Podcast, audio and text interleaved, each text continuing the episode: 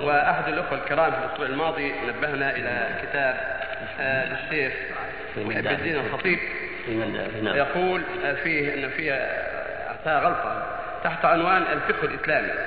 قال فالفقه عند أهل السنة وعند الشيعة لا يرجع إلى أصول مسلمة عند الفريقين والتشريع الفقهي عند الأئمة الأربعة من أهل السنة قائم على غير الأسس التي يقوم عليها التشريع الفقهي عند الشيعة.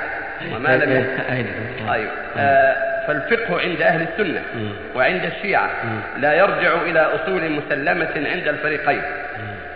والتشريع الفقهي عند الأئمة الأربعة من أهل السنة قائم على غير الأسس التي يقوم عليها التشريع الفقهي عند الشيعة. وما لم يحصل التفاهم على هذه هذا هذا غير ما ظنه بعض الناس. مقصود محب الدين الخطيب أن الشيعة لا يسلمون. أصول الفقه الذي عند أهل السنة. كما أن أهل السنة لا يسلمون أصول الفقه الذي عند الشيعة عند الرافضة وأشباههم. وإلا فالفقه عند أهل السنة قام على أصول الكتاب والسنة وهكذا عند الأئمة الأربعة. وإن كان لبعضهم اجتهادات في بعض المسائل التي يخفى فيها النص لكن أصول الفقه على كتاب الله وسنة رسوله عند أهل السنة والجماعة. هذا حق. ولا يقول محب الدين ولا غيره خلاف ذلك من أهل العلم. ولكن مراده أن الشيعة لا يسلمون ما عندنا. ولهذا إذا رويت لهم حديث البخاري يقول لا ما نطيع البخاري لأن البخاري عدو لهم لأن من أهل السنة وهم رافضة ما يرون البخاري ولا يرون مسلم ولا أهل السنة ولا أحمد ولا غيرهم ولا الشافعي ولا غيرهم.